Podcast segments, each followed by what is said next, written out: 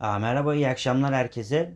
Ee, Güne yatay bir açılışla başlayan e, Borsa İstanbul özellikle öğlen bir buçuktan sonra yoğunlaşan satışlarla günü %1,65 e, ekside kapattı.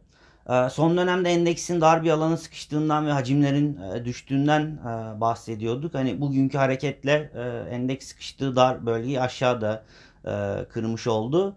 Ee, BIST 100 endeksi günü 1393 seviyesinden e, kapatırken hani yakın destek seviyesi olarak gördüğümüz 1390 seviyesinin çok hafif e, üstünde kalmış oldu. E, Şimdi gün içi haber akışına baktığımız zaman en önemli gelişme olarak iki ABD savaş gemisinin haftaya Karadeniz'e geçeceğinin Türk kaynakları tarafından doğrulanması haberi olduğunu görüyoruz.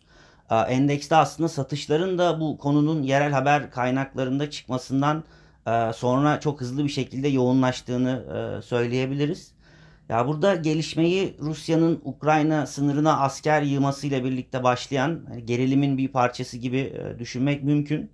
E, Burada piyasanın hani Türkiye'nin konuya bir şekilde taraf olma durumunda kalma ihtimalini negatif fiyatlamış olabileceğini e, düşünüyoruz.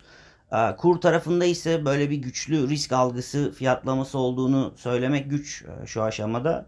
E, Dolar TL günü yaklaşık 0,5 artışla 8 8.18 seviyelerinde e, tamamladı. E, Burada TL'nin hani diğer gelişmekte olan ülke para birimlerinden önemli bir negatif ayrışması söz konusu değil e, şu aşamada.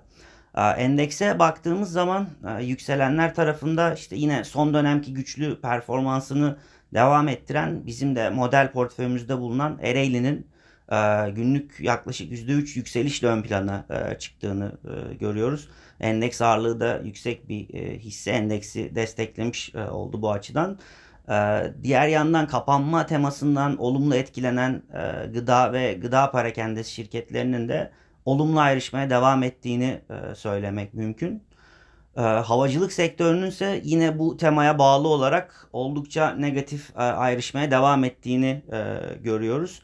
E, burada kapanma temasına ek olarak Rusya'da hükümetin Türkiye'ye turistlik seyahatleri dondurmayı değerlendirmesi ve Almanya'nın Türkiye'yi yüksek risk bölgesine ekleyerek vatandaşlarına e, seyahat uyarısı vermesi gün içinde e, sektörü etkileyen önemli e, negatif haber akışlarıydı. Yani bunların da e, endeks performansı üzerinde etkili olduğunu düşünüyoruz havacılık e, şirketleri için.